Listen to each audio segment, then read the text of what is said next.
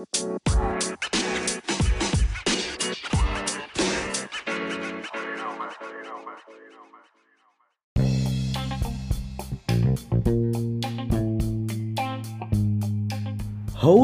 welcome to Alpha Talks, a podcast about our daily life hosted by Philemon Nainggolan. In this episode, we will talk about the role of social media in society life with our special guest Andika Fikri Pratama. Let's start it. Alpha Talks, Fun Talks, Fun Facts.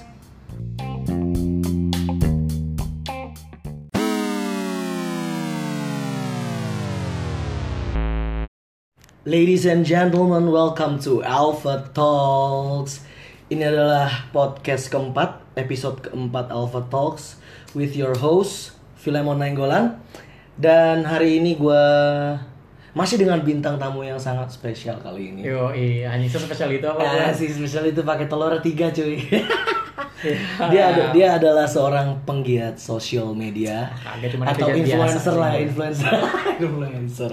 Oke, welcome Andika Fikri Pratama. Yo, yo, iya, thank you, thank you udah undang gue. Anjir, gue bukan penggiat sosial media atau influencer sih. Apa dong, apa dong lebih Gue tepatnya? netizen biasa aja lah. Netizen. Orang. Oke nih Fik, apa kabar nih? Sehat? Sehat, sehat. Alhamdulillah baik-baik. Lagi sibuk apa nih sekarang nih? Gue sekarang sibuk jadi budak startup, Kak. Ah, budak startup. Iya, lagi giat-giatnya Oke. gue kerja sekarang. Buat nabung masa depan lah Yo, ya. itu Iya. sama lagi sibuk ini sih gue mau buat kopi. Kopi- Kopi, kopi gitu. Jadi gue sama teman-teman gue lagi buat kopi to go gitu lah, kecil-kecilan. Mm-mm. Ya macam kopi-kopi kedai kopi sebelah gitulah. gitu. Oh, oke oke. Yang bisa dibawa ke mana-mana. Yo, iya betul gitu betul. ya. Instan banget lah pokoknya. Oke deh, Fik. Ini kan episode keempat dengan subjek subtema kita hari ini adalah the role of social media in society life. Wih. Jadi peranan sosmed di kehidupan bermasyarakat. Mm-mm. Eh, gue pengen nanya dulu deh ngomongin sosmed. Eh, kalau lu dengar kata sosial media yang langsung terbersit di otak lu apa di pikiran lu? Apa ya? Toxic kali kalau sekarang. Ah, toxic Social media sekarang. is toxic gitu-gitu. Kenapa? Kenapa toxic, Fik? Ini gue nggak tahu sih. Karena menurut gue sebenarnya yang toxic itu bukan sosial medianya sih. Oh, tapi gitu. elunya sendiri lu kalau ngelihat sosial media toxic berarti ada yang salah sama lu lu eh, kalau ngerasa sosial media nggak sehat buat kehidupan lu ya udah nggak usah bersosial media gitu kan Oh, gitu. jadi nggak usah nyalain sosial media toxic lah sosial media Heeh, gini gini gini lah candu lah. iya ya, ya lu bersosial media dengan sewajarnya aja sih kalau menurut Bener, gue bener. Apa yang lu follow ya udah yang sesuai sama suka sama lu aja kalau lu ngerasa following lu toxic gitu gitu ya berarti ada yang salah sama sosial media lu itu kalau menurut gue Oke. Terus juga kalau ngomongin sosmed, sosial media gitu, kita flashback atau mundur berapa tahun nih? Ah, boleh. Waktu pertama kalinya lo gunain sosmed. Gua kapan ya? Mungkin awal mulanya kenal sosmed ya. Iya. Awal-awal banget banget 2008 2009 lah. Facebook tuh. Facebook, Facebook. bukan Friendster ya? Eh, sorry Friendster. Oh, Iya, Friendster, Friendster. Friendster. Friendster nih. Wah, dulu gue ingat banget bol-bolan, Pak, sama temen-temen gue. Oke, oke, Wall to oke. wall gitu-gitu kan. Friendster udah mulai jadi sarang abal-aba beralih ke Facebook. Oke. Facebook jadi alay gue di situ. eh, nama lo ini bukan? Andika Fikri Killing Me Inside Sayang Dia Celalu gitu kan? gue dulu namanya Fuck apa banget, gitu kayak Fikri aduh pokoknya ada cayang celalu anak bunda gitu-gitu gue berapa kali gitu ya ganti nickname di Facebook gue Iya. nama-nama Facebook gue itu yang Hmm. alay-alay sampai terakhir nih gue nggak tahu udahlah normal aja udah Andika Fikri Pratama nama asli. Gak jelas banget tuh nama-nama tapi kayaknya, tapi kayaknya emang setiap orang gitu ngalamin fase itu cuy. pasti Pasti. pasti Eh, karena ya itulah eh, awal mula bersosial media kan lu nggak tahu kan mau masang apa atau mau kayak gimana kan mau jadi Hmm. kayak gimana ya udah sesukanya lu aja gitu nah waktu itu gue anjing ini kayak keren nih nama kalau kayak gini-gini kan ternyata waktu itu keren Waktu Eh, pada saat itu keren. itu keren sekarang kok alay banget ya menjijikan sekali kalau lihat itu dulu ya Kalau lihat yang dulu gitu. Goks. Terus itu kan tadi lo bilang lo pertama kali pakai sosmed pakai Friendster. Friendster. Ya, oke. Itu kurang lebih kapan berarti itu? Berapa tahun yang lalu masih masih inget lu? kali ya SMP tuh 2008 2009 lah Oh, gitu. oke. Lama 10 banget ya. tahun, 10 tahun 11 tahun yang lalu lah. Itu kayaknya Instagram juga belum ada Instagram. Oh, ya? belum Belum. Mungkin udah ada cuma kita belum tahu kali ya. Instagram Oke. tuh 11 tahun berapa sih? Dua, kayaknya dia gede di tahun 2010-an. 2010 2011 mungkin ya. Hmm. Kayak dulu gua kalau mulai ya Friendster sama Facebook sih. Oh, oke. Ya senormal anak SMP ale lah waktu itu. Nah, pada saat itu awalnya tuh lu guna, gunain sosmed tujuannya buat apaan sih, Fik? hmm, yang gue inget gue ikut ikutan. Oke.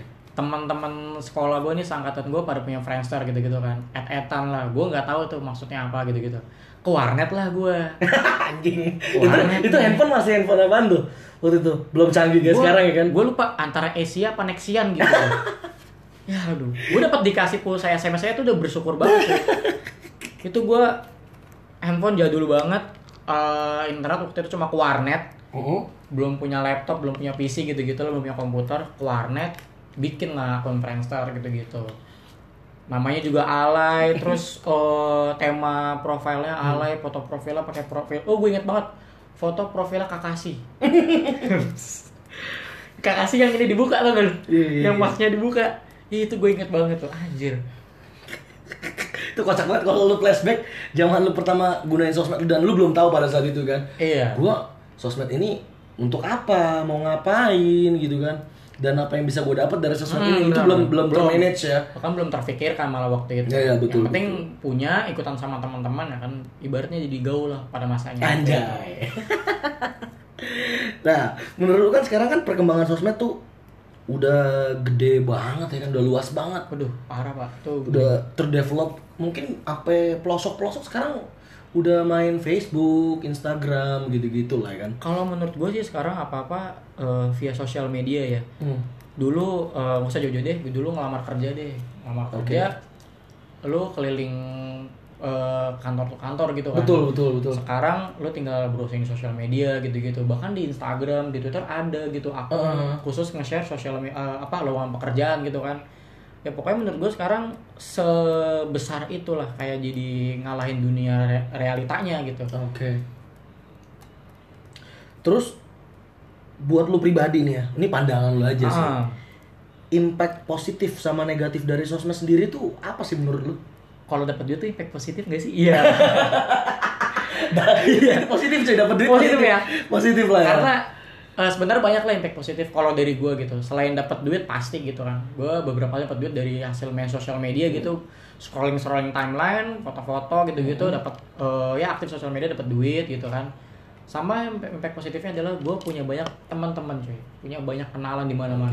Lu Teman gue banyak eh ya network lah pokoknya itu belum tentu gue bisa dapetin kalau gue nggak main sosial media gitu mungkin kalau yang pada introvert atau nggak suka ketemu orang-orang baru nggak ngalamin itu tapi gue orangnya sangat suka sekali ketemu orang-orang baru gitu ngobrol sama orang-orang baru ya mungkin sosial media bisa jadi dunia utama gue mungkin ya kayak gitu karena ya itu Nice.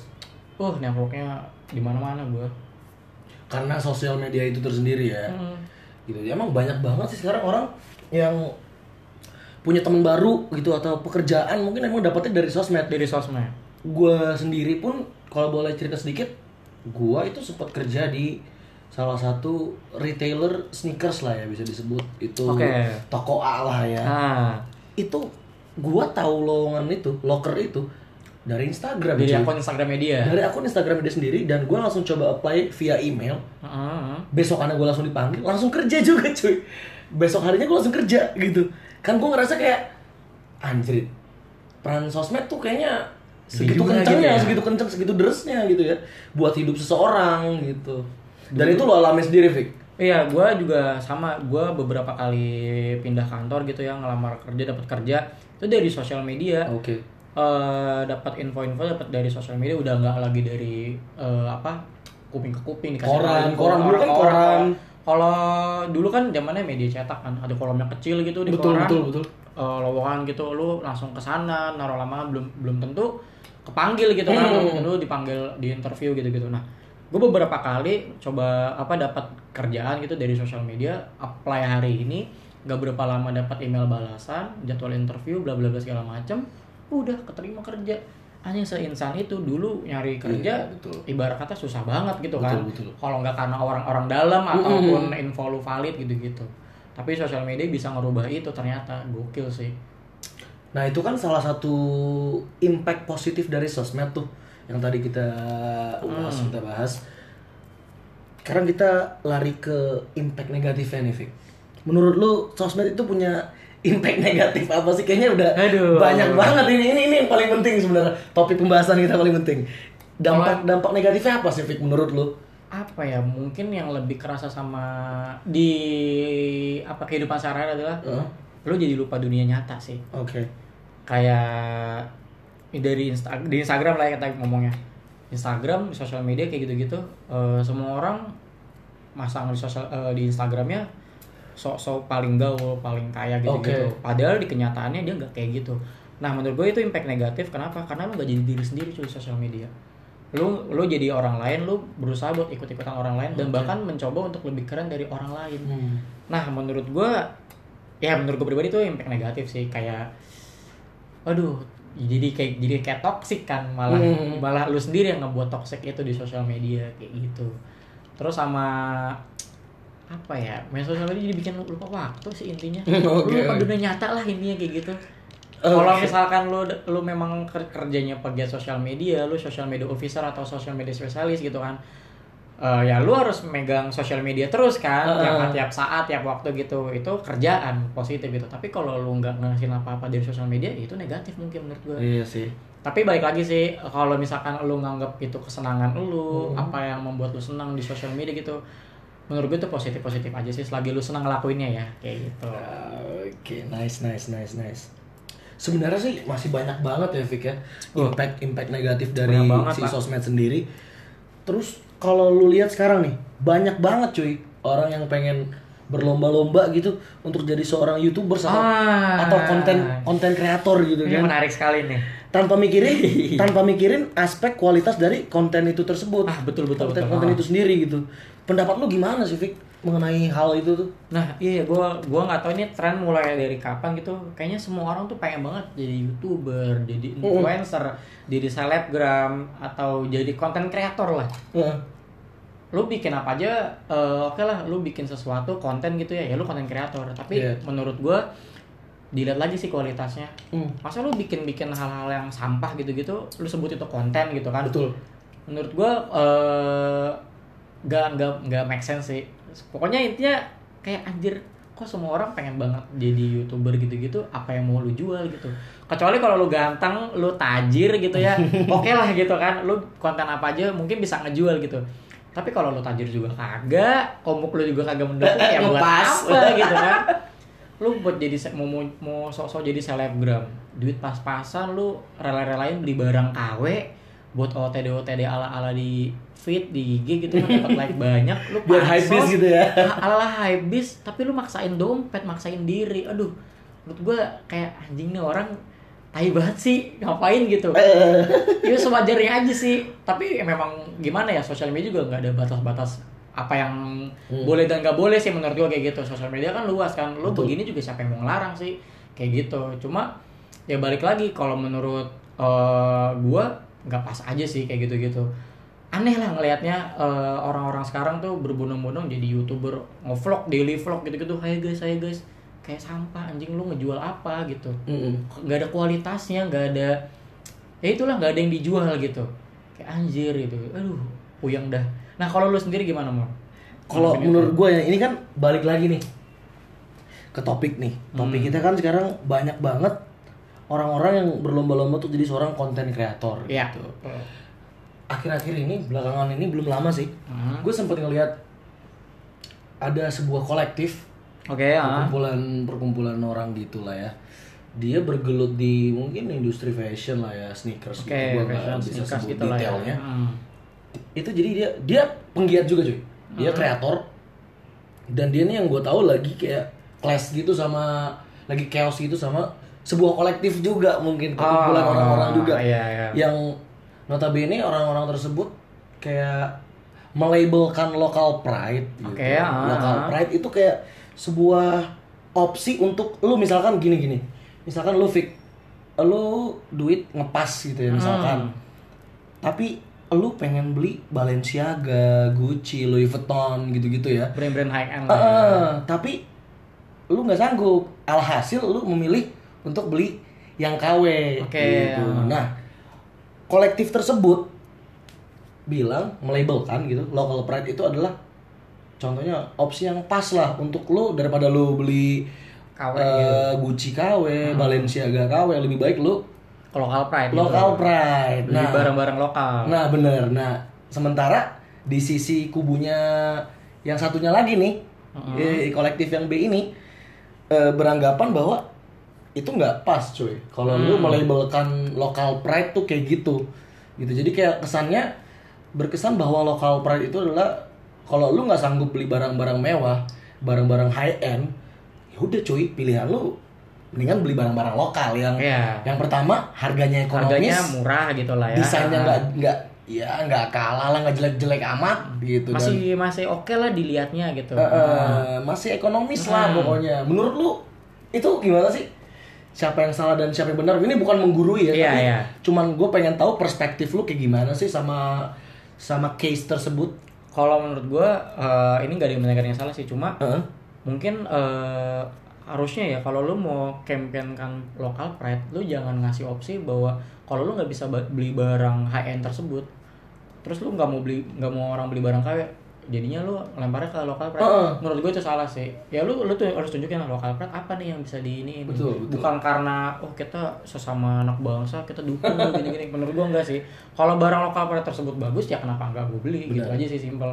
Jadi eh, jangan lu apa namanya lu giring gitu kan. Seolah-olah local pride itu opsi kesekian kalau lu eh, mau beli barang high end gak punya duit tapi lu nggak mau barang KW juga. Ya menurut gua nggak nggak nggak wajar aja sih nggak fair gitu toh local pride juga memang bagus-bagus kok gitu kan. Tapi gue lihat sih eh, makin ke sini local pride Indonesia gitu ya makin maju lah eh, barang-barangnya brand-brandnya gitu makin ke sini makin bagus. Ya mungkin eh, itulah yang bisa dibanggain sih inovasi-inovasi anak-anak bangsa kan makin ke sini makin keren juga gitu kan desain-desainnya makin bagus gitu-gitu. Tapi balik lagi kalau memang dia patut buat kita beli bukan karena oh ini lokal pride gue harus beli nih biar oh ya gitulah lokal pride lokal pride lokal pride anjing kalau kayak gitu sumpah. Yang paling penting sih menurut gue ya kalau lu seneng sama Hmm. bahannya kualitasnya desainnya terus harganya juga cocok buat diri Betul. lu kenapa enggak? Enggak? Iya benar. J- iya, sesuaiin jadi- aja sih sama dompet. Jadi kalau selera lu nggak sesuai sama selera aduh bayar aja sih mendingan. Bener, jadi bener, bener. ya cocokin aja lah selera sama selera lo udah gitu aja Oke sih oke oke nice. Nah terus juga di case kolektif yang ribut ini nih antar Hmm. kubu gitu, dia itu kalau nggak salah sempet kayak tersinggung gitu kalau katanya ya Hmm. barang-barang yang dia buat which is itu adalah sepatu spokat gitu. ya sneakers, lah Sneakers ya, Mm. Itu kayak dijat sama kubu yang satunya lagi anjing ini mah kayak Vans banget, Converse Oh, banget. kayak brand-brand yang udah terkenal gitu ya Kenapa Oke. lu pada nggak bikin yang inovatif Yang gitu, beda futu- gitu. futuristik, yang wah keren lah pokoknya bulky bulky cangki gitu, beda daripada yang lain. Menurut lu gimana sih, Fit? Ya Gitu. menurut gue kan apa ya kan eh, buat jadi inspirasi nggak ada masalahnya sih menurut gue itu satu terus kedua kayak ya udah orang memang masih bagus gitu kan Padahal So, si si kreatornya tersebut mengakui bahwa Inspiring, emang gua, emang ah. gua inspired dari Vans, dari Converse, Dari brand-brand dan gue pun pakai itu Hmm. gitu. ya menurut gue ya kalau kalau ada orang yang permasalahkan kok lu brand lu kopi banget jiplak, sama jiplak iya, jiplak gitu. banget nih menurut gue nggak nggak masalah toh orang nggak bener-bener plak banget kok heeh. kayak gue beli fans apa nih old school lah yang paling familiar gitu. Terus gue ubah nih jadi brand gue misalkan Fikri gitu nama brandnya. Nah itu baru salah mungkin. Tapi kalau misalkan dia dia inovasi nih dia ubah apanya dia ini apanya nah itu baru menurut gue keren gitu. Ya inovasi lah gitu gitulah tapi kalau sampai nyalahin apa namanya lu nggak boleh harus inovasi nih harus lebih canggih kayak gini gini sadar diri sih inova, eh, inovasi kita tuh sampai semana gitu gitu kan memang ya balik lagi lah riset ke riset lagi kalau menurut gue gitu terutama sneakers sih Oke. Hmm. Nah ini itu tadi cukup out of the topic ya. Ya. Tapi gue mau back to the topic. Eh, Vic, lu sendiri kalau buka sosmed, Hmm. mungkin kayak Instagram atau YouTube, itu lu kiblatnya lebih kayak lu ngeliat-liat siapa atau orang-orang yang penggiat apa kayak gimana berkreasi apa? Kalau gue nggak nggak matokin sih, gue mau jadi kayak apa gitu-gitu ya. Nah, ini lebih eh, ada nih satu istilah personal branding, Oke. pencitraan. Jadi eh, gue ngerasa makin ke sini orang pengen ngikutin orang tersebut nih Oh, kiblatnya oke, ke situ oke, oke, kayak dari segi fashion lah, fit Instagramnya lah, Oke. terus bahas tata keramanya bahasanya gitu-gitu. Nah, eh, itu lo ngebuat branding lo di sosial media kan. Kalau gue, gue nggak punya batasan. Oh, gue mau kayak dia ah, ininya eh, Instagramnya atau enggak di sosmed. Gue intinya pengen kelihatan kayak dia banget. Gue nggak kayak gitu sih. Tapi gue sangat menerima. Oh, ini keren nih, ini keren Hmm. nih, ini keren nih. Menurut gue masih masuk di gue, ya bakal gue terima gitu. Tapi kalau buat jadi buat eh, yang bukan diri gue gitu ya, Hmm. ah gue sangat nggak bisa sih kalau kayak gitu. Kayak Oke. Nah, ngomong-ngomong soal diri lu gitu, diri sendiri gitu kan. Hmm. Lu tuh bisa menilai orang, memandang orang, ini kayaknya orang ini tuh gue banget Hmm. gitu. Ini tuh gue banget lah pokoknya. Itu dari sisi apa? Fashion kalau gue sih. Oke, fashion. fashion fashion playlist sama Oh, playlist. iya sama cara apa ya kalau di feed tuh mungkin Maksudnya gimana tuh? Eh, lebih detail lagi, kok lu bisa bilang, lu bisa nilai orang, wah orang ini kayaknya nih cocok sama gue nih, gue banget. Itu dari playlist tuh kenapa tuh? Kok bisa kayak gitu? ya karena gini sih aduh ini gue takut nyinggung beberapa bodo amat lah ya Kalau kalau kalau kalau fashion, kalau fashion mungkin oke lah ya. Oke lah, kalau fashion kan Nah, kalau playlist nih, gitu. kalau playlist nih beda nih dari yang lain nih. Kalau Kenapa? Kenapa? Kalau playlist kan eh, karena gue yakin banget sih. Sorry nih kalau gue ngejudge playlist playlist lu pada yang enggak Ya, oke. gimana gitu. Jadi lah nggak ya. bermaksud untuk iya, atau mengucilkan. Ini, ini gue sendiri preferensi musik gue tuh yang enggak top billboard gitu-gitu lah. Gue nggak suka. Oke. Bukan nggak suka sih. Mungkin kayak oh ini bukan gue nih. Gue nggak deng- nggak mau dengerin gitu. Oke. Tapi gue sangat menghargai karyanya gitu. Tapi bukan berarti gue harus dengerin terus enggak. Gue memang nggak suka aja kayak Oke. gitu-gitu.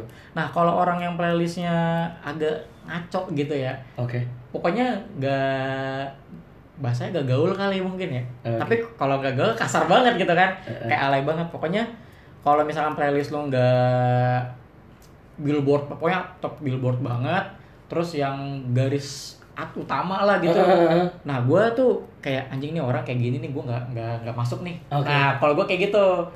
Jadi playlist tuh sangat sangat berpengaruh sih menurut gue gue bisa bukan bisa aja sih mungkin kayak bisa oh yaudah nih kalau lu playlist kayak gini yaudah berarti kayak gini. Tapi beberapa waktu lalu sempet nih gue buka twitter ada yang nge-tweet gini playlist lu sama dengan sexual preferences lu. Oh, oke. paham oke. gak maksud gue kayak lu ngedengerin Arctic Monkey, The Strokes, Mark Ayres yang Hmm. yang lagi hype banget lah yang Hmm. sekarang sekarang gini lo dikatakan soft boy Oke, Nah. fuckboy. lu kayaknya lu di WhatsApp sama gua kan gua bilang, lu kayaknya fuckboy banget Vic. Enggak, boy, gua gua fuckboy. Eh, Gue gua soft boy ya. Kenapa lu bisa bilang diri lu Gini, soft gini. boy? Kan ada istilah sad boy, fuck boy ya. Iya, kan? oke, oke. Sad boy lu bocah galau-galauan gitu gitu. Heeh. Fuckboy lu bocah brengsek lah, bocah brengsek. gitu kan. Nah, ini ada lagi, ada lagi ternyata lebih parah, Pak. Namanya soft boy. Kalau kata mereka lebih parah ya. Oke. Jadi eh, si orang-orang ini ngejudge seksual preferensi lu dari playlist yang lu dengerin. Oke, lu oke, dengerin oke. Rex Orange County, lu dengerin apa ya, Bruno Major gitu-gitu. Oke, oke. Dengerin The Strokes, lu dikatakan soft boy. Soft boy artinya lebih parah dari fuckboy kayak lu kalau fuckboy kan ketahuan nih lu brengsek tapi kelihatan gitu brengseknya lu. Kalau soft boy nih halus soft. Tiba-tiba lu break hard, hard banget gitu. Nah, Iya, paham, paham.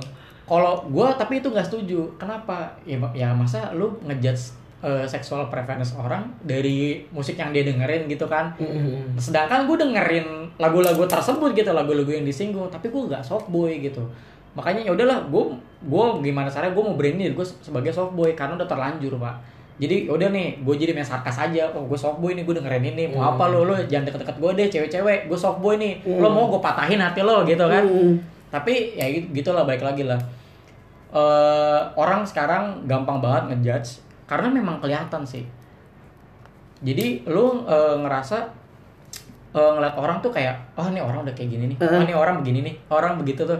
Kelihatan gitu nah itu tuh kemarin yang paling nggak gue bis yang nggak bisa gue terima adalah ya seksual eh, preferences. Karena ya masa lu sangkut pautin sama lagu Seksual, sih gitu iya, kan? gue dengerin iya. Neck Burhood nih eh, terus ah oh jangan deket sama Pikri Pikri sok boy ini dan gini gini gini. Wah kan bangsat banget kalau kayak gitu kan. Iya, jadi, para- jadi- punya paradigma sendiri Iya. ya. Gitu. Itu nah oke. Itu kan tadi lu udah ceritain kenapa lu bisa menilai orang ini orang ini gue banget nih gitu dari playlist lagunya. Ya. Gitu. Sekarang gue pengen tanya nih Vic experience lu pengalaman lu yang paling berkesan di hidup lu yang related itu yang berkaitan sama sosmed. media. apa sih? Waduh. Ceritain dong pengalaman lu dong. Selain dap eh, dapat kerja oke lah udah udah udah Tadi- tadi lu ya, bahas, udah, oke. udah obrolin yang paling berkesan adalah gua dua kali kerja sama sama brand rokok. Brand rokok? Brand Oke. rokok pertama ini boleh sebut brand gak sih boleh boleh boleh boleh, lah ya sekalian mungkin promosi kali siapa tahu bisa jadi brand ambassador lagi boleh boleh boleh boleh boleh nah yang pertama eh, sosial media ini nem- eh, mempertemukan gua kali ya bisa dibilang kayak gitu sama salah satu brand rokok eh, namanya MLD Sport oke Nah ini jadi di Instagram beberapa tahun yang lalu MLD Sport ini bikin kuis lah. Mm. Temanya tentang Sumpah Pemuda waktu itu gue Oh, banget nice. Sumpah Pemuda. Eh, upload kompetisi foto gitu, upload ya kan. Nah gue menang ternyata. Di acara di acara kuis yang gue menangin itu digabungin lagi lah gue sama pemenang-pemenang yang lain. Oh, oke. Ada sekitar kurang lebih 20-an lah gue lupa kayaknya 20-an gitu. Itu kita di jadi satu komunitas di bawah MLD Sport. Namanya MLD Squad. Itu gue gila coy brand rokok tuh menurut gue kayak anjing nih suatu ketidakmungkinan gitu kan. Karena ya nggak kan nggak sembarangan gitu kan brand Hmm. rokok eh, apa namanya ibarat kata ngerekrut lo sebagai kayak anak-anakannya lah gitu Ah. kan itu yang pertama tuh dan itu waduh sampai sekarang tuh gue sayang banget deh intinya sama brand-brand rokok itu kayak anjir bisa ngasih gue selain duit ya Ya, oke bisa ngasih pengalaman gue belajar skill skill fotografi skill editing skill public speaking gitu-gitu Oke. senang gue ketemu orang-orang baru dan rata-rata orang-orang yang gue temuin ini punya insight-insight baru juga gitu. Hmm. dan gue jadi kayak anjing ternyata di luar di luar sana dari sosial media gue bisa kenal orang-orang inspiratif kayak gini nih. Oh, oke gitu. nice. Itu yang pertama yang di spot. Kedua ini mungkin kompetitornya nih. Apa tuh apa tuh kompetitor itu? Generation G. Oh, oke. ya Generation G The Interns. Itu mungkin eh, kalau yang lo nah lu tahu- sempet sempet join kan di The Interns? Wah, gue join itu gue jadi brand ambassadornya The Interns Generation di 2017.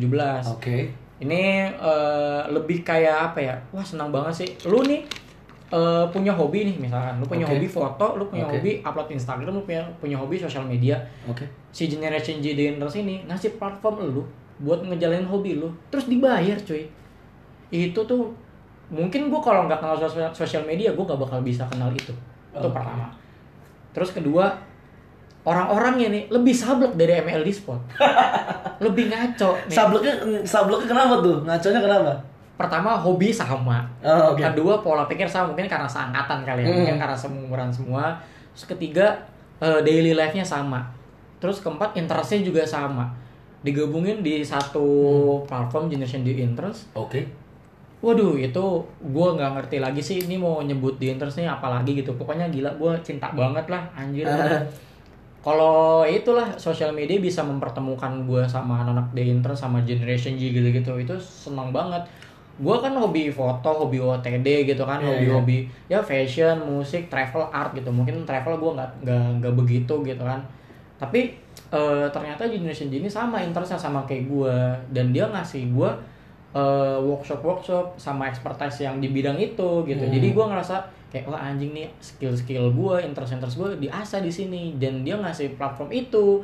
Terus yang lebih parah adalah gue dibayar anjir Asik, buat jadi ngejalanin hobi. itu bener- bener-bener plus plus banget buat Wah, ya? living the world banget sih. Gila. Itu eh gimana ya? Lu eh, hobi tapi dibayar lah udah intinya itu. senang Gila. banget lah pastinya ya kan Seneng banget ya mungkin kalau tahun ini generation G mau ini lagi sih boleh lah ya. amin amin gila gila gila.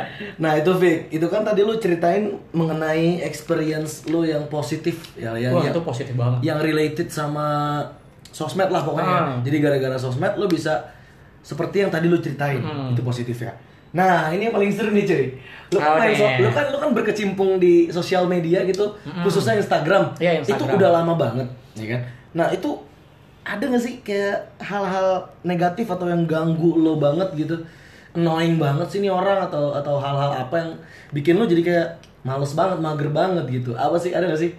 nih mungkin kalau Kayaknya lu juga sering bikin question-question gitu di di Instagram, Insta story lu gitu. kalau yang paling annoying adalah ketika mulai rame kata-kata personal branding Oke. Jadi eh, mungkin sebenarnya mungkin orang-orang eh, terutama konten creator di Instagram kali ya, influencer influencer di Instagram yang udah jalan yang lebih dulu gitu, lebih besar, udah udah besar dari dulu. Hmm. Itu tuh sekarang kayak jadi lebih ngutamain personal branding. Lu citra lu harus baik banget nih di Instagram lu gitu kan. Lu nggak boleh nih yang tadinya lu fit banget nih, terus jarang nih eh, lu pasang foto lu sendiri OTD gitu atau lu yang bagus. Kata karena ah ini gak gue banget nih personal branding gue bukan kayak gini. Ah persetan anjing. Menurut gue itu annoying sih karena kayak ngejaga ngejaga ngejaga lu buat apa ya buat buat terlihat beda sih menurut gue Ah. karena ini pencitraan banget lu misalkan lu eh, suka foto-foto model Oke. Nah, lu nge-branding diri lu sebagai fotografer profesional lah, katakan kayak gitu. Nah, isi feed lu foto-foto model-model cakep-cakep gitu. Ya bisa dibilang asrama perempuan lah ya. kayak gitu. Terus suatu ketika eh, lu nggak mau eh lu dapat kerjaan foto tapi modelnya cowok. Eh, iya, nah, iya. karena lu udah nge-branding diri lu sebagai fotografer profesional untuk Model cewek. model cewek, lu nolak kerjaan itu Anjing. itu idealis dan menurut gue gara-gara personal branding itu jadi idealis ke otak lu jadi kayak kan nolak rezeki menurut gue Betul, gitu kan betul, betul, betul. nah itu ada ternyata kayak gitu-gitu gue pikir ya mungkin memang dia punya ini ini sendiri kan ternyata Hmm. karena terbentuk dari personal branding itu gitu terus kedua eh mungkin bukan di Instagram doang sih gue di Twitter juga kan Oh, oke. Nah mungkin kalau dulu zaman zaman Twitter, gue join Twitter tuh 2010 2011 lah, gue baru main Twitter. Zaman zamannya tuh yang galau-galauan gitu. Kalau kalau lu pernah apa nonton Raja Dedika gitu, dia pernah bilang kalau gue galau dulu bakal gue jadiin tulisan atau ibaratnya bakal gue jadiin duit lah. Nah, Nah zaman zaman awal Twitter, eh, Twitter besar itu semua menja- menjual kegalauan. Iya betul. kayak contoh nih Duita Sari Duita sekarang lu lihat dia kalau lu lu kata-katain kopas novelnya dia ada berapa lu hitung tuh? Gila ya kan? Orang udah tahu dia penulis gitu-gitu meskipun lu kata-katain kopas lah lu kata-katain anonim lah gitu-gitu kan. Hmm. sekarang karyanya dia ada cuy dan diakui beberapa eh, apa sih eh, publisher ya penerbit gitu-gitu. Nah kalau di Instagram nih makin ke sini akun-akun Instagram lu perhatiin dah jadi banyak ngejual kegalauan juga Iya receh ya. ada NKCTHI, ada tempat bercakap, ada Iya. sejenis-sejenisnya lah. Menurut gue itu jadi annoying juga sih. Kayak kok lu jadi ngejual kegalauan di sosial media gitu. Karena menurut gue eh, yang gue tahu adalah orang balik ke so- eh, orang main sosial media itu buat untuk buang kejenuhannya dia Iya gitu kan. betul. Kok masuk sosial media negatif eh, vibes-nya kok kayak negatif, kayak galau-galau kayak sedih-sedih gitu, kayak depresi gitu-gitu kan. nah, menurut gue Kayak lebih personal gitu jadinya ya. Iya, menurut gua eh, ya kali lu cerita ke stranger gitu kan, ibaratnya itu kan mereka kan stranger gitu kan. Iya, iya. Kalau mau sih cerita pribadi lu, cerita yang nggak pernah lu ceritain ke circle lu, ke stranger, ke akun-akun Instagram cuma buat di repost. Aduh. Banyak banget sekarang pikir gue perhatiin sih emang kayak gitu. Kayak ya menurut gua kalau kayak NKCTHI, gue suka karena memang dia eh, sentimental sih. Hmm. Gue suka tuh dia. Kalau tempat percak, kalau tempat bercakap, gue sukanya itu karena eh, cara dia nge-shoot videonya. Oh, Oke oke nice. sih. Sinematiknya gitu. Iya, iya, Tapi iya. kalau buat dialognya, monolognya ya gue kurang sih kalau kayak gitu. Oke. Tapi yang kayak gitu kayak gitu nih ternyata laku. Jadi tuh menurut gue kalau lu mau nyari duit di sosial media adalah dengan lu menjual kegalauan. Orang-orang Indonesia tuh suka banget galau-galau, suka banget drama-drama. Udah pasti laku di Indonesia. Pokoknya yang seputar cinta galau-galauan tuh Cinta, laku galauan banget. remaja. Nggak usah jauh-jauh deh, Awkarin. Awkarin dulu kenapa bisa besar? Nangis-nangisin gaga anjir. Bener bener bener. Drama-drama di YouTube nangis-nangis nggak jelas. Lu lihat sekarang followersnya berapa? Setelah dari situ udah naik banget cuy. Iya, lu Parah. tanya Awkarin rate-nya dia per post di feed, per post di stories berapa? Kalau nggak lu berak mah anjing. Gara-gara galau-galauan gitu doang, gitu. Nah, terus ada lagi sih yang bikin gue gedek adalah, Apa bentar nih, gue liat note dulu nih. Tadi Boleh gue boleh udah catet. Siap siap siap. Nah, apa-apa sekarang di sosial media harus positif. Betul betul betul. Gue nggak suka nih, gue nggak terima. Karena Kenapa tuh? ya lu nggak bisa ngasih batasan ke orang lah lu share-nya yang positif-positif tuh. Hmm. Lu nggak boleh nggak share negatif vibes gitu-gitu. Lah suka-suka gue lah anjing. Akun-akun iya, gue iya, ibarat iya, kata gitu iya, kan. iya. Gue mau share yang receh-receh lah, gue mau share yang eh, galau-galau lah, yang tetek bengek lah. Yang penting selagi nggak gue share pornografi, Hmm. alkohol, atau lagi ngerok anak kecil ngerokok gitu-gitu. Mm.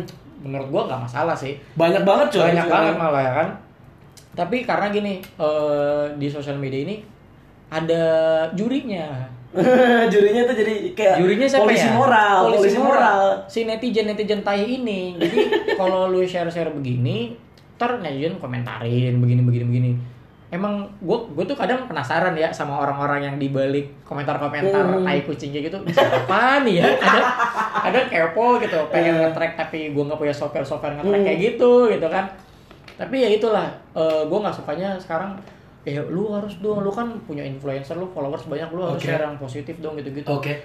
Menurut gua apa yang patut lu share apa yang menurut lu gua mau share ini ya udah share aja kali nggak usah perlu. Nanti followers gua gimana? Nanti followers gua Hmm. ke trigger depresi nggak ya? Gitu, gitu, gitu, gitu. yang ya kalau dia depresi karena postingan postingan lu ya jangan salahin diri sendiri salahin dia kenapa main sosial media dan gak nyari pertolongan profesional. Kelar simpel kan menurut gua kayak gitu sih.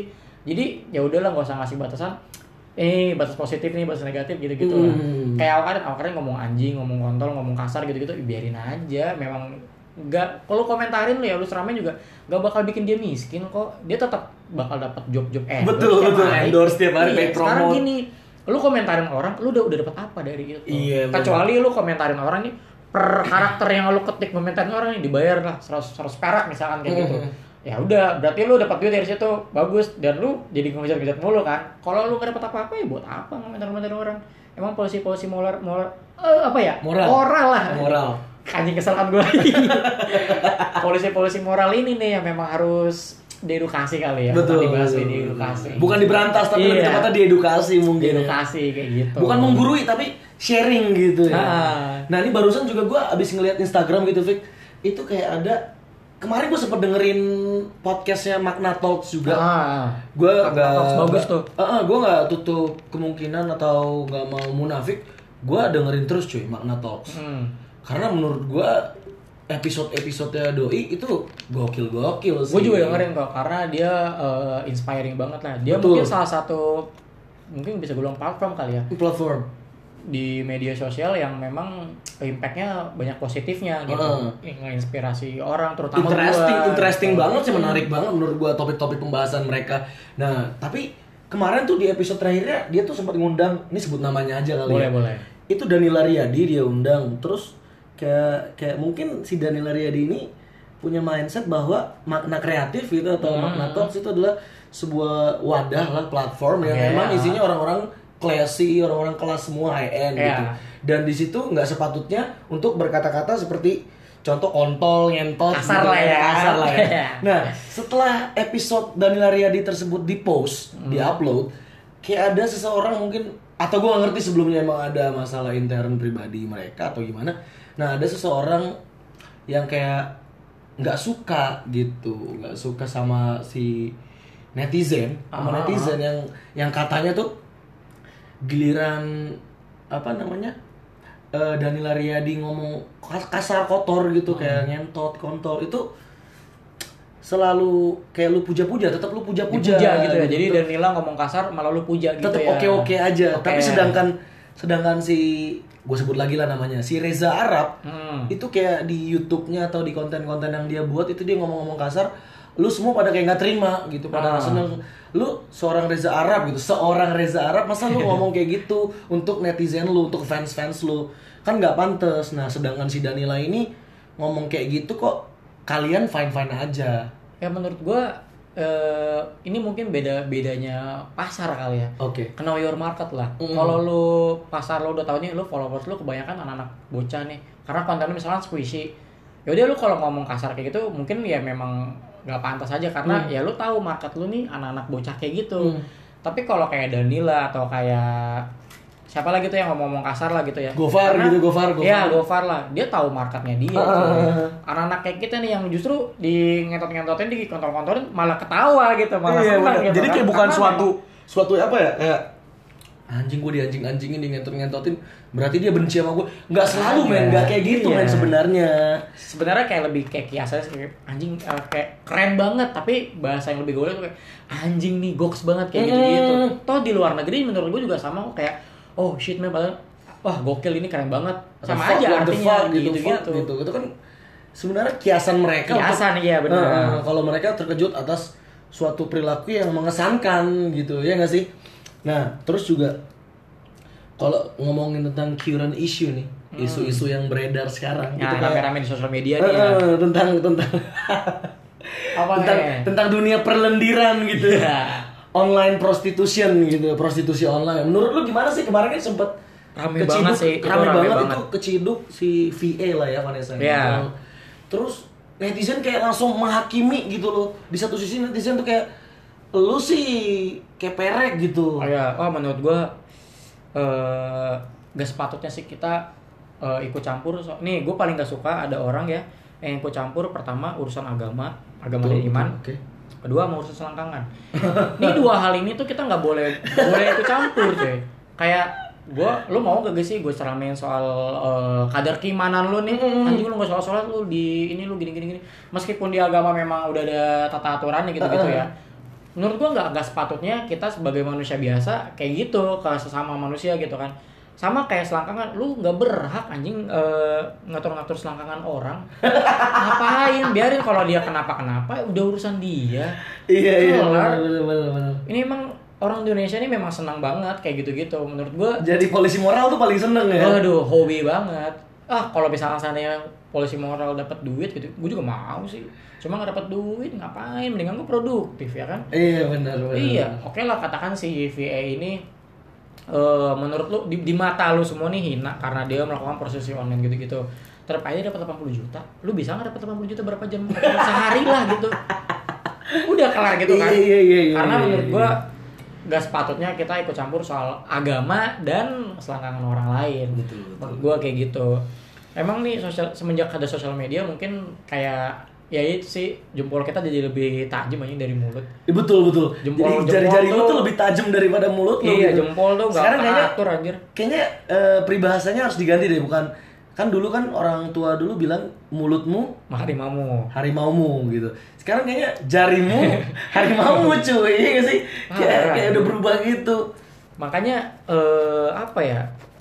Komentar-komentar gitu itu eh, gue pada gue gue tuh selalu sepenasaran itulah sama orang-orang yang kayak eh, komentar-komentarnya tuh jahat, komentar-komentarnya tuh menurut gue busuk banget lah. Terlalu ngurusin hidup orang Iya. lain gitu. dan lu komen tuh pakai akun anonim gitu. kalau kalau lu Apa akun-akun obat salep gitu, obat Nah. obat-obat pembesar koler gitu. besar payudara gitu gitu ya anjir karena gini Anjing, anjing. si polisi-polisi moral nih netizen-netizen tai kucing ini kenapa dia pakai akun anonim? Hmm. karena kalau dia pakai akun akun-akun asli gitu ya dia tahu nih polisi bisa ngelacak kalau dia ada yang laporin gitu. takut mereka Iya, iya, ya, sebenarnya sebenarnya bisa juga Bisa di track gitu ya. kalau memang orang yang ngerasa tersinggung mau ngelaporin lu bisa aja. Sekarang lu lihat di Twitter terutama ya di Twitter di Instagram gitu banyak eh, netizen netizen yang diciduk sama polisi gara-gara eh, apa ketik eh, ketikan tweet cuitannya atau enggak postingannya kayak gitu kayak gitu ya gitulah kalau lu nggak punya kalau lu punya ibu jari tapi lu nggak bisa nahannya ya jadi blunder lagi buat lu sih kayak gitu kalau menurut gua Oke, itu kan tadi tentang eh current issue yang membahas online prostitution. hmm. Sekarang ini masih hangat banget nih, Rick. apa tuh Masih hot banget ya kan tentang eh, RUU permusikan, ya kan? rancangan undang-undang permusikan. Ah. Ini tuh gua gimana ya? Gua sendiri gua nggak berani, gua no comment sih. Ah, Gua karena no lu bukan comment. musisi. Karena gua bukan dulu gua musisi, tapi sekarang gua kayaknya lebih tepatnya gua mendingan jadi anchor gitu. Ya, siap. Iya gitu. Jadi banyak banget yang kontra sama RUU permusikan itu sendiri gitu. Oh, rame kok kemarin gua itu jadi trending juga. Hmm. Tapi gua gua rasa gua bukan orang yang tepat lah kalau buat ngomongin RUU ini harusnya gimana gimana gitu. Kita nggak- kita nggak karena ngebahas detail pertama- sih, cuman- iya karena pertama kan kita berdua bukan musisi. Kita lebih ke penikmat musik aja gitu kan. Mm. Tapi gua sebagai yang du- yang dulunya kuliah hukum gitu kan. Asik. Gua ngelihat eh, Lulus gitu, lulus gitu. belum kelar. gue ngelihat si rancangan undang-undang ini memang ada beberapa pasal yang berpotensi karet lah gitu pasal-pasal karet kayak gitu nah gue tapi gue dapat poinnya ini adalah eh, mungkin dari adanya eh, misalkan nanti RUU ini direvisi atau gimana sebenarnya ini baik kok ada baiknya juga buat musisi kayak lo jadi musisi lo bisa dapet sertifikat kompetensi gitu kan. Kalau misalkan lo mau manggung di mana-mana atau lo di hire atau apa gitulah nah lo punya sertifikat yang jelas gitu kan sertifikat bermusik gitu. Oke. tapi eh, di satu sisi gue ngeliat dari segi musisinya kayak emang harus banget gitu semua musisi gitu-gitu kan. Diuji kompetensi. Diuji kompetensi. nah sedangkan kita nggak tahu nih standar kompetensinya dia semana nih. Kalau di sekolah KKM-nya lah gitu kan. Iya. mau kayak gimana mau kayak gimana. Menurut gue kayak ya nggak seharusnya ada ada kayak gitulah tapi mungkin kalau ternyata itu bisa buat bawa impact positif ya why not gitu nah dari beberapa pasal ini banyak juga sih yang eh, apa namanya yang agak kacau sih menurut gua tapi namanya juga RUU gitu kan rancangan Masih rancangan. undang-undang. menurut gua ya kita apalagi kalau lu bukan musisi gitu ya gua salah lu sosok tolak gitu Kontol iya. gitu kan. Jangan usah sok-sok kayak gitulah. Nah, toh lu dengerin musik apa sih gitu? Toh lu se-expert apa sih sama musik? Kalau Nah. memang lu penikmat musik gitu-gitu, ya cara memperjuang cara memperjuangkan hak bermusik atau hak mendengarkan musik yang menurut lu oke nih dengan caranya sih menurut gua jangan nggak usah kayak gitu-gitu. Karena nih ya pertama itu masih RUU, kedua ya itu sengaja dilempar ke publik biar tahu responnya tuh gimana. Iya. Biar jadi review juga. Perjalanan dari RUU menuju undang-undang tuh masih panjang. Masih sangat panjang lah, nggak hari ini dipublish RUU-nya terus eh, nggak ada yang protes tiba-tiba satu kali berapa jam langsung jadi undang-undang nggak gitu cuy cara main eh, cara ngebuatnya gitu. Iya, iya, iya, Tapi iya, memang eh, dari sekian banyak ini sih memang lebih banyak pasal-pasal yang berpotensi negatif aja sih kalau menurut gua gitu. Jadi yang gak usah ditolak lah, direvisi aja sih menurut gua. Toh kalau memang ternyata pada akhirnya undang-undang permusikan ini bagus, kenapa enggak gitu kan? Kenapa Hmm. kenapa lu ini gitu? Jadi ya udah eh, kita lihat aja lah gitu. Tapi jangan juga jadi silent majority. Iya. Lo tahu hal-hal buruk terjadi di negara lo, lo diem-diem aja. Padahal- Bersuara lah, Padahal lo gitu. tahu nih suara lo tuh berguna banget. Oh, oh. Nah kayak gitu. Tapi gue sangat sangat kagum sih ngelihat apa namanya netizen netizen Indo yang doyan musik indie indie gitu ya. Heeh, heeh. Sebegitu antusiasnya menolak RUU permusikan gitu. Mungkin karena membahayakan juga nih bagi penggemar penggemar musik indie gitu kan. Makanya ya nanti kita lihat aja lah ini kayak gimana nih kelanjutannya gitu. Oke, itu kan tadi kita udah bahas tentang RU permusikan, online prostitution, yang emang sekarang lagi rame banget di sosmed. Wah, sosmed memang ya. Instagram sih terutama nih. Iya betul banget. Nah, tapi ini lu, lu, lu harus tahu nih, Mon. Sekarang eh, Twitter Oke. makin besar lagi. Dulu kan fase-fasenya pasti semua eh, hampir semua punya Twitter lah ya. Lu pasti Iya, main iya. Twitter gitu kan. Punya punya punya. Eh, fase-fasenya vakum tuh gua 2012 2013 mungkin. Heeh. Itu kayak ada yang lebih seru nih Instagram kayak Hmm. foto-foto gitu kan. Nah, ternyata Twitter sekarang makin gede juga. Kayak apa ya? Gue suka Twitter tuh karena receh sih. Hmm. Karena receh-recehnya gitu sih. Oke. Terus nih, gara-gara Twitter banyak recehnya nih, gue gue yang gak suka adalah si netizen netizen Instagram nih nge-screenshot tweet orang yang receh di post di storiesnya dia. Oke itu nggak apa-apa lah, ada sumbernya gitu kan. Ah. Yang lebih bete di kopas jadi caption di Instagram. Udah gitu, foto sama captionnya kagak nyambung. Itu parah banget. Itu parah sih. Nah, Nah, gue pokoknya tuh kayak ya makin ke sini sosial media tuh kayak makin apa ya aneh sih menurut gue. Nah. Mungkin karena makin banyak orang main, orang tahu sosial media gitu-gitu kan. Ya makin aneh aja. Kayak nih di YouTube, lu tahu kan ada channel namanya Majestic Casual. Oke oke oke. Nah itu sering gitu. banget lu, Nah. lu parodiin parodiin di Instastory lu. Ya kan tuh rame banget di nah, lu paham gue seneng nih. Kenapa gue parodiin? Kalau mungkin ada yang follow gue gitu ya. Gue Iya. tuh dulu beberapa waktu yang lalu eh gue sering ngepost parodi-parodi foto-foto receh gitu, entah foto toilet yang masih ada tokainya lah, Oke oke. entah foto-foto random nggak jelas receh gitu lah. Gue kasih caption tengahnya eh fontnya majestic casual, majesticnya doang. Kenapa gue buat kayak gitu? Karena kayak norak orang-orang sekarang tuh. Semua mua tuh di post gitu-gitu. Menurut gua ya nggak salah sih. Itu itu bukan berarti lu nggak seneng sama Majestic, toh lu juga dengerin kok Gua dengerin. playlist playlist sama Nah, Majestic. Gue dengerin ya. sangat. Gue sering banget dengerin playlistnya Majestic Casual. Jadi kayak gitu. curator gitu juga sih si Iya Majestic. benar-benar. Nah, yang bikin gua agak no, yang bikin Annoying? annoying adalah kayak orang-orang nih apa-apa majestic, apa-apa majestic. Makanya lah gua post majestic majestic itu di stories.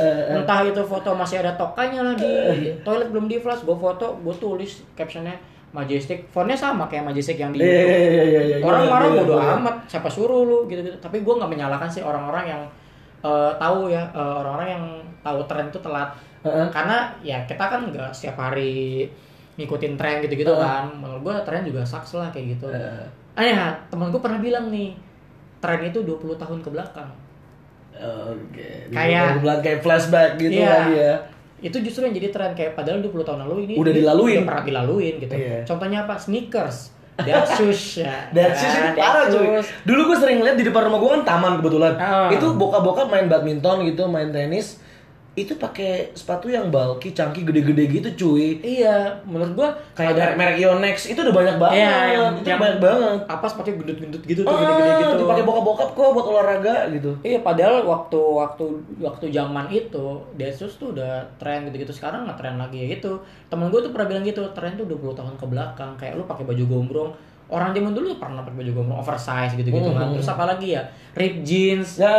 Terus wah, Cino, Cino, Cino. Cino gitu-gitu. Cor- Corduroy. Ya, eh, eh. Banyak lah pokoknya ya mungkin karena kita dulu nggak tahu itu Eh, tren. kita Karena- juga lahir di 90s mungkin. Iya, karena sekarang zamannya sosial media, apa-apa Betul. cepat jadi trennya kayak gitu. Dan mereka langsung beranggapan ini tuh tren zaman sekarang. Iya, benar-benar. Nah, dan lu tahu sekarang di sosial media terutama di Instagram nih, semua orang tuh OKB. Iya, berlomba-lomba tuh jadi OKB gitu ya. Iya. Ini gue gue juga nggak gue juga jadi standar ganda nih gue ngomongin diri sendiri juga sih kayak Iya. gue ngatain orang kayak gini, gue juga kayak gitu Hmm. karena gue suka sebenarnya.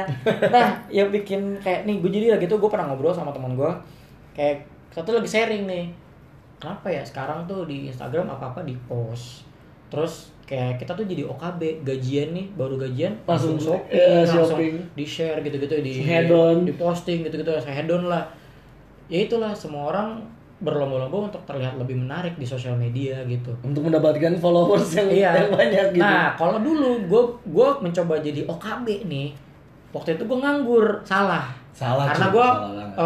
memaksakan diri dan memaksakan dompet Iya. Nah sekarang Aing sudah tajir. bodo amat gue Alhamdulillah lah ya. Iya. Gue bodo amat ya kan. Gue beli sepatu, gue pas aja nih nggak Iya. mampus. Gue beli sepatu iri lu semua. Sobat miskin, mampus lu. Sobat Biskuin. Iya. Tapi sebenarnya eh, kalau kalau orang-orang yang tahu gue, gue sereceh itu Oh, karena kayak ngerti ngerti. ngerti. Iya kayak biar anjing nih Fikri beli ini lagi nih. Buat ceng-cengan sebenarnya Iya, bukan iya, buat iya, iya. kayak gue buat Bukan belagu-belaguan gitu. gue nggak pengen dipandang kayak wah Fikri high class banget nih storiesnya setir mobil. Anjay. kalau malam Sabtu nih ngebir-ngebir lucu gitu. Nggak gue nggak mau dipandang kayak gitu. Karena gue ya, ya itu gue nge-share apa yang gue suka share aja sih. Cuma lebih kayak ya udahlah emang emang emang lucu tuh lama-lama sosial media Hmm. nih makanya kita lihat aja perkembangan sosial media ini makin la- makin lama kayak gimana Oke, nice, nice, nice, nice. Fik, yo yo coba ceritain secara singkat aja. hmm.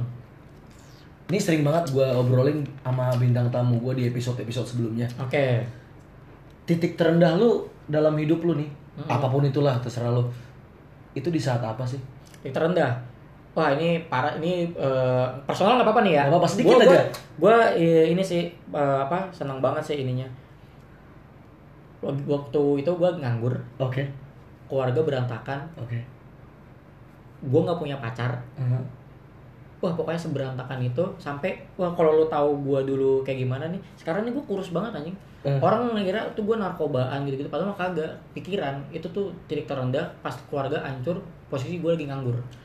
Wah itu apa ya kerja nggak dapet gitu gitulah tapi ya semua orang gua rasa pasti ngalamin fase-fase terendah hidupnya sih kayak gitu tergantung lu mau seberapa lama berada di fase itu kayak gitu Oke, tapi lu jadi orang yang coba untuk kompetitif lah ya, nggak cuma nggak cuma anjing gue keluarga gue broke nih. Iya, gue broken begini, home." tapi gue nggak mau ngelakuin apa-apa, masalah ah, juga kayak betul, gitu. Betul Karena yang gue tahu tentang broken home itu, oke lah, taruh boleh home lu broken cuy, tapi lu nya jangan broken. Hmm. Iya, itu gue yang itu yang selalu ditekanin ke gue dan adik gue.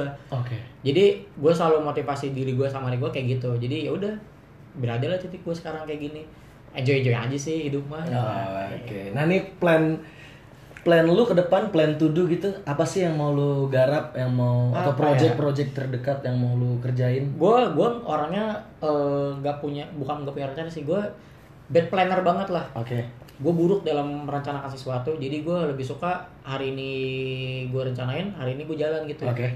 Nah gue sekarang lagi fokus tetap kerja dulu sama gue lagi bikin coffee shop gitu lagi yang tadi itu sih eh Oke. bukan coffee shop sorry kopi to go gitu Oke. kayak gitu gue boleh promosi dong Boleh Hey. dong. Rencananya namanya apa tuh? Boleh kasih bocoran? namanya Arabasta Coffee Arabasta? Jadi singkatan tuh Arabica Robusta Oke, Arabasta nice. Coffee jadi konsepnya kopi to go nanti bakal ada di GrabFood, GoFood dan Oke, nice.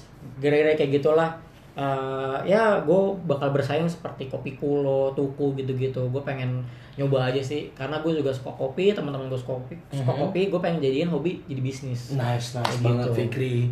Fik, kayaknya topik kita semuanya udah selesai kita bahas tuntas nih. Waduh, nggak berasa Hari ini nggak berasa banget, udah hampir satu jam kita ngobrol. Gokil, gokil.